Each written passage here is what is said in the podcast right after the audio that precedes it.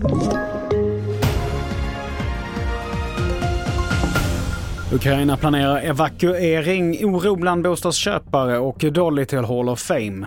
Men TV4-nyheterna börjar med att idag så inleds klimatmötet COP27 i Sharm el-Sheikh i Egypten. Och det har fått mycket kritik på förhand. Klimataktivisten Greta Thunberg väljer att inte åka på klimatmötet och menar att det är meningslöst. Och så här säger före detta klimat och biståndsminister Isabella Lövin. Nu handlar det ju om att världen verkligen måste leverera på Parisavtalet, att vi ska klara att hålla temperaturen under under en och en halv grad, eller så nära en och en halv graders uppvärmning som möjligt. Så att eh, nu är det höjda aktioner som, som gäller och det finns ju väldigt eh, dåliga tecken på att vi istället ser att eh, utsläppen kommer att öka fram till 2030. En rapport som kom nyligen att eh, 10 ökning är vad vi förväntar utifrån vad länderna har lovat. Vidare till Ukraina där Kiev nu planerar en full evakuering av sina 3 miljoner invånare om elen slås ut av de ryska bombräderna. Det skriver New York Times.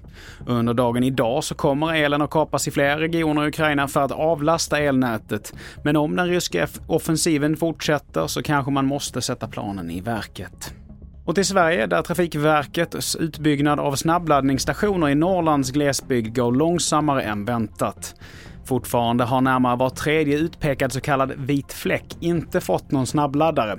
Det visar nyheternas granskning. Och så här säger energiminister Ebba Busch. Ska vi klara klimatomställningen ska vanligt folk ha möjlighet att, att växla in sin fossildrivna bil mot en eldriven bil. Då är laddstolparna en fullkomligt fundamental del i det. Vi fortsätter med att oron ökar bland de bostadsköpare som tecknade förhandsavtal på nyproducerade bostäder innan räntorna chockhöjdes.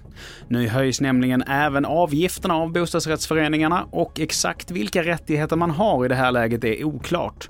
Man kan nämligen bryta ett förhandskontrakt om avgiften blir väsentligt högre, men exakt var den gränsen går är luddigt och än så länge oprövat rent juridiskt. Och till sist, vid en ceremoni igår så valdes Dolly Parton in i Rock'n'Roll Hall of Fame. Utöver countrystjärnan så valdes även bland annat Eminem och Lionel Richie in. Fler nyheter hittar du på tv4.se. Jag heter Mattias Nordgren.